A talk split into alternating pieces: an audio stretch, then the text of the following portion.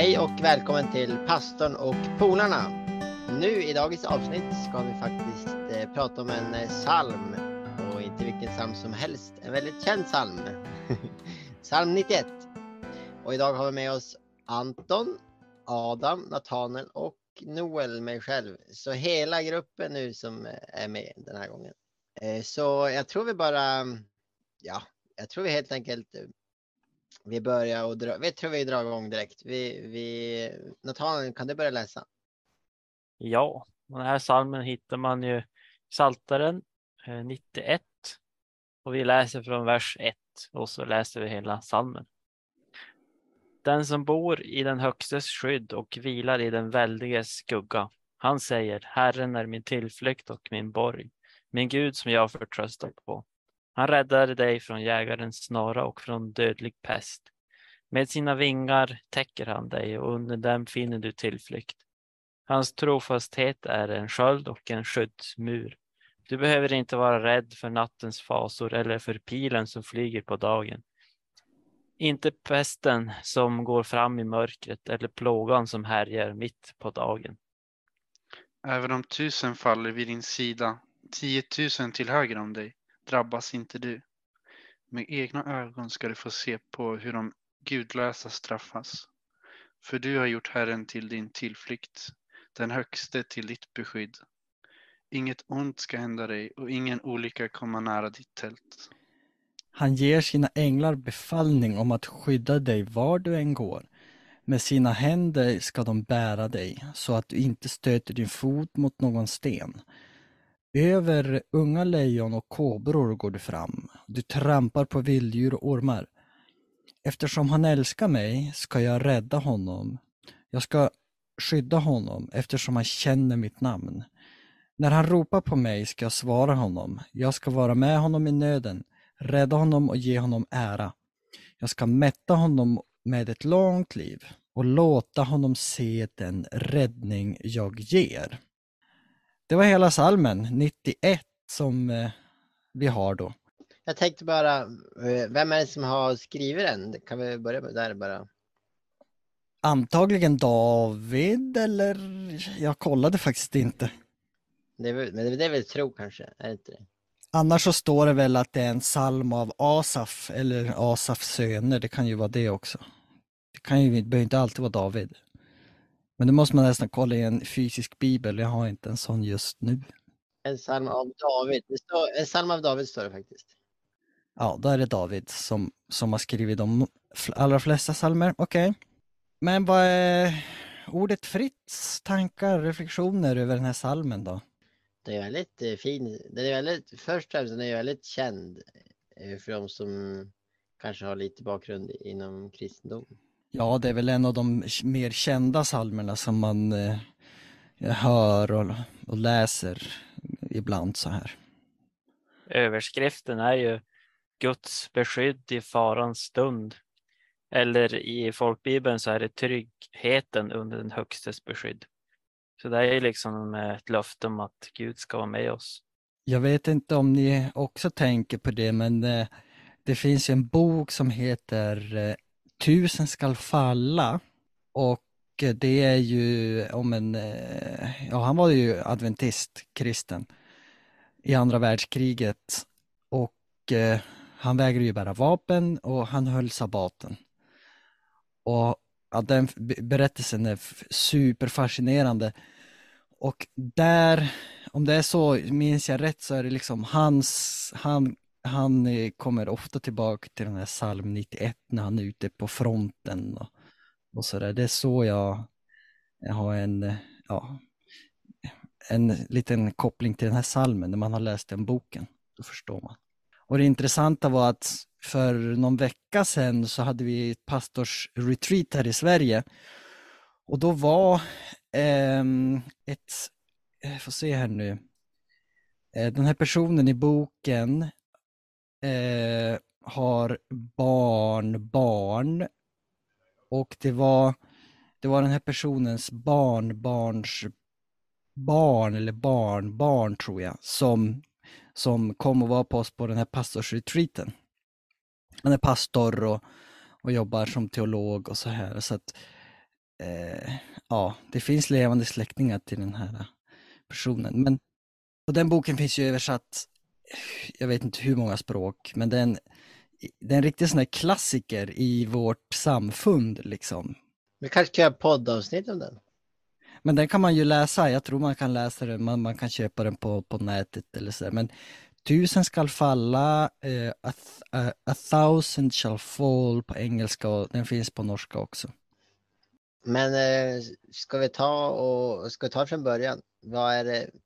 Vi, vad, vad, betyder det att bo i den högstes beskydd och vila i en alls så väldig skugga? Jag vet inte vad du tänkte på, alltså den som bor i den högstes skydd och vilar i den väldiges skugga. Så då har vi den som, så, så att den som liksom har Gud som sin, sin, ja, sitt hem och, och är, är, är trygg i det. Ja. Är det idag, är, är, är det en person som har en kyrka och liksom är, är trygg i sin tro? Be, betyder inte att det är adventister, men kan vara vi som adventister också. Ja, det är ju, det tror jag, att man är trygg i sin tro och vem man tror på. Ja, att man har ett andligt hem som man kan prata om ibland. Då har man någonting som är fast och stort som man kan, som man kan, ja, ett löfte. Vers, vers 2 säger att Herren, han, han säger Herren är min tillflykt och min borg, min Gud som jag förtröstar på. Alltså den som bor i den högstes skydd säger att Herren är den som jag förtröstar på. Det är till honom jag går och känner mig säker. Det här Herren är min tillflykt och min borg.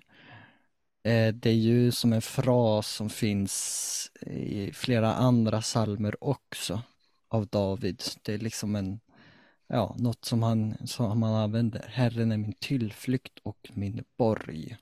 En borg, det var väl på den tiden något väldigt tryggt och säkert när man var inne i borgen. Man kan ju gå till fästningar, alltså så ruiner idag. Det finns i Sverige och, och, på andra ställen, men då var det ju som en eh, ja, murar och där inne var det, skulle det vara liksom tryggt och säkert från angrepp. Och att det var en tillflykt som man kunde liksom eh, ja, fly till. Några fler tankar? Jag tycker vers 4 är ju väldigt fin och eh, med sina fjäder ska han övertäcka dig och under hans vingar ska du finna tillflykt. Hans trofasthet är sköld och skärp. Och liksom om man tänker på, jag minns en eh, berättelse, en sann berättelse om eh, ett sånt där, det var en familj som hade hönor två stycken tror jag eller vad det var. Hade de ett sånt där hönshus. Så hade de satt in en sån här värmelampa i, i huset då för att det började bli kallt mot vintern och där som skulle få värme och det där. Men då under natten så var det något som kom nära den där lampan som började brinna då. Och så hade hönan fått ägg just och, och fått kycklingar.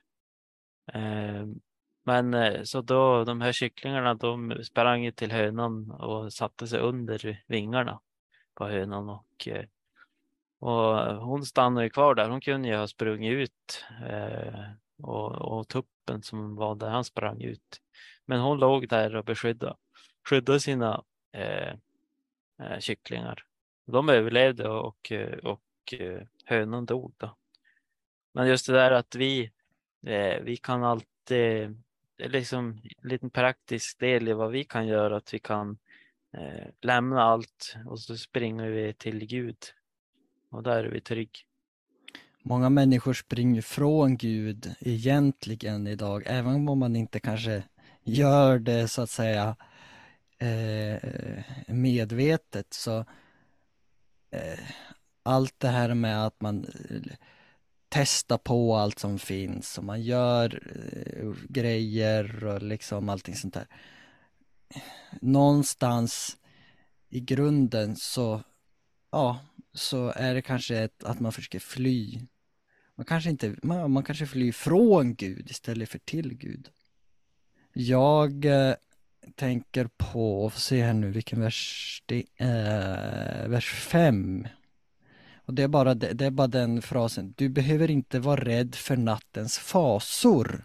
För att när jag var typ i ton, tonåren eller lite så här, ja, början på tonåren, då, då hade jag några perioder där jag liksom, ja men jag hade, jag, jag hade som svårt att sova och, och liksom på kvällarna och lite så här och, du vet, allmänt bara. Men då var det där en text som, eh, ja, men som jag minns och liksom som fastnade då. Man låg där och tänkte och det, det var en text till jag hade från någonstans från ordspråksboken också, men just den, du behöver inte vara rädd för nattens fasor. Tankarna far och flänger och man tänker på natten och så börjar det bara spinna och sådär. Det här stycket, den här psalmen, den är väldigt, den är ju så, den är den hjälper till så, alltså till så mycket på något vis. Den, den kan hjälpa så många personer. Eh, den är väldigt djup och, och bred, ska jag vilja säga. Det är sant faktiskt. Och, och det, alltså jag, man har läst den flera gånger, men jag har aldrig gått och tänkt på den. Liksom. den är, man, kan nog, man kan lära sig jättemycket från den, ju mer man bara, om man bara tänker lite mer på den och läser. Ja, den, den, det är många situationer som, som, som finns där egentligen när man tänker på det det har, med, det har det här med dödlig pest. Sen är det väl det att en del kan ju liksom vara så, dra det till och med så långt, eh, det här med eh, att han räddar dig från, eh, vers 3, han räddar dig från jägarens snara eller från dödlig pest. Ja, alltså jag vet, det, det, eh, under corona så, så hörde man väl folk som tog den här texten kanske lite för bokstavligt och tänkte nej men jag behöver inte frukta för eh, corona utan Gud ska eh, vad står det, rädda mig från dödlig pest. Och strunta i allt det här, eh, bry sig om munskydd och, och, och, alla de här coronarestriktionerna liksom. Jag har inte hört just om det, men det, det, så är det ju i hela Bibeln också. Man, man kan ju inte ta allt som god fisk på något vis. Även fast det är sant på något vis, men det, man måste ju... man kan ju inte bara ta allt som det står heller. Och Saltaren är ju ett, ett poetiskt skrivet, så det är ju liksom, det är ju poesi och det ska ju vara vackert och det, det, det, det är ju inte meningen att det ska vara bokstavlig beskrivning på, på allting, utan det är ju liksom... Det är många böner också. Ja. Men jag undrar den här salmen, den är inte, jag vet inte, eh, en bön eller står det att det var en bön eller det bara, stod bara att en psalm av David eller? För att det verkar inte, jag tycker inte att det verkar som en bön. Nej, den säger väl egentligen mer vad Gud eh, kanske eh, David har upplevt att han har gjort i sitt liv kanske. Han har fått eh, räddning och känner trygghet i, i Gud. Då. Ja, för flera, många andra salmer är ju liksom David som bara öser ur sina känslor och sitt hjärta och skriver det, men det är inte riktigt så han gör här. Det är lite intressant att, att David skriver som om vissa verser i kapitlet är det som att Gud, eh, han talar om Gud i första person. Jag reagerar också på det, att det, det ändras lite. Och ibland är det som att han, ibland är det som att David själv skriver eller så. Eh, eller så. Vers 9 står till han har sagt att Herren är ditt skydd. Ja, och så vers 11, han ger sina änglar. ja. Från vers 14 som, som man börjar skriva som att Gud talar direkt. Det, jag bara funderar, tänk om det är liksom det här, nu är det ju bara lite fantasi, men tänk om det här är liksom David som skriver till en kompis och säger liksom så här, ja men den som bor i den högstes skydd och vilar under en allsmäktig skugga, det han säger, här är min tillflykt. Och han räddar dig från jägarens snara och från dödlig pest. Och med sina vingar ska han täcka dig. Liksom som ett litet, kanske som ett litet peptalk till, till, till, till en person som är lite kanske lite nedstämd eller lite tvivlande eller sådär. Ja, inte vet vad man ska göra. Och även om tusen faller vid din sida och till höger om dig så drabbas inte du liksom. Att det, det kanske är en sån här eller ett brev eller liksom, du vet. Ja, det är uppmuntrande. Ja, som att han försöker uppmuntra någon. Det är, det är, sju, det är sju löften eh, i 91. Och ska jag läsa dem eller?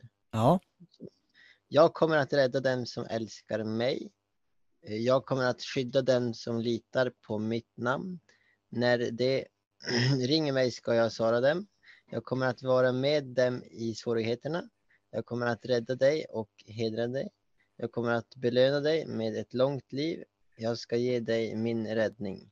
Någonting, eh, de har tagit ut sju löften som man kan hitta i psalm 91. vad lär vi oss av den här salmen? Vi har ju pratat lite om det, men vad, eh, vad är det som vi kan ta med och vad kan vi ta ut av den här salmen om vi ska vara ännu mera eh, praktisk kanske till våran liv? Ja, jag tänkte på vers 9 att eh, där står det för du har gjort Herren till en tillflykt, den högste till ett beskydd. Och lite att vi, att vi går till Jesus med en gång. Oftast så blir det ju att man kanske försöker, eh, ja men till exempel om man har tappat bort en eh, telefon eller någonting. Då går man ju och letar först och, och sådär. Nu här är det ju bara små saker. Men alltså ofta vi människor, vi provar ofta att fixa saker själv först. Och sen till slut när vi har provat allt och vi jag har försökt på alla möjliga sätt så kommer vi ihåg, ja men Gud, kanske ska be Gud om hjälp. Men, eh, eh, men det är liksom det sista vi gör. Men då, ja, tänk om vi hade gjort det med en gång. Då hade vi sluppit och försökt fixa problemen tidigare. Om vi kommer i någon, eh, i någon svårighet eller någon tanke eller vad, vad än det är, då får vi läsa den här då så får man ju tänka efter en gång till. Ja, Alltså den är ju otroligt eh, stärkande för alla möjliga situationer som vi sa.